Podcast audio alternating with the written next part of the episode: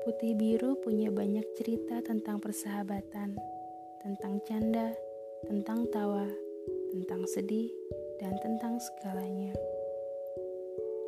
Putih Biru bukan judul lagu, tapi saksi bisu anak remaja yang baru kenal dunia.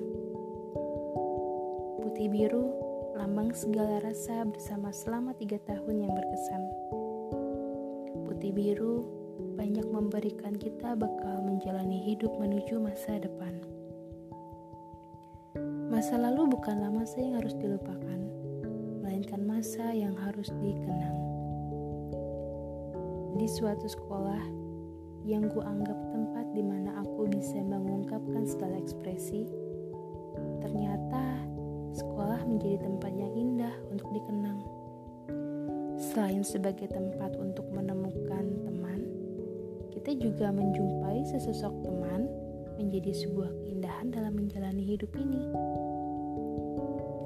Selain itu, di lingkungan sekolah, kita juga dapat menemukan benih-benih cinta yang akan kita tumbuh bersama menjadi sebuah cerita yang indah.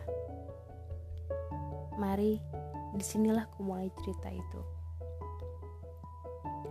Masa SMP ku kulalui dengan sangat indah masa SMP adalah masa-masa sekolah yang paling indah dibandingkan masa sekolah lainnya.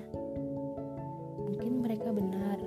Pada masa SMP, aku memiliki banyak teman dan sahabat. Bagiku, sahabat adalah segalanya. Mereka adalah Yuki, Aurel, Farel, dan Kevin. Dan bagiku mereka adalah sahabatku.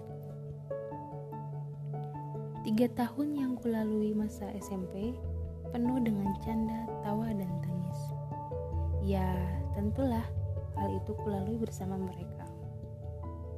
Jangan lupain aku ya kawan, ucapku kepada mereka saat perpisahan satu tahun yang lalu. Sedih memang, apalagi mengingat mereka seperti tidak mengingat aku hadir di sana. Layaknya orang yang sudah dilupakan. Tapi apa boleh buat, aku terlanjur sayang pada mereka. Jadi, aku hanya bisa menerima perlakuan yang mereka lakukan padaku.